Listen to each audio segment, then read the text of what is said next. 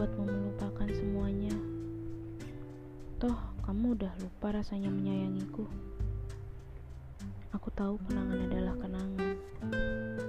Gak akan bisa lupa. Aku pun gak ingin melupakan kenangan kita.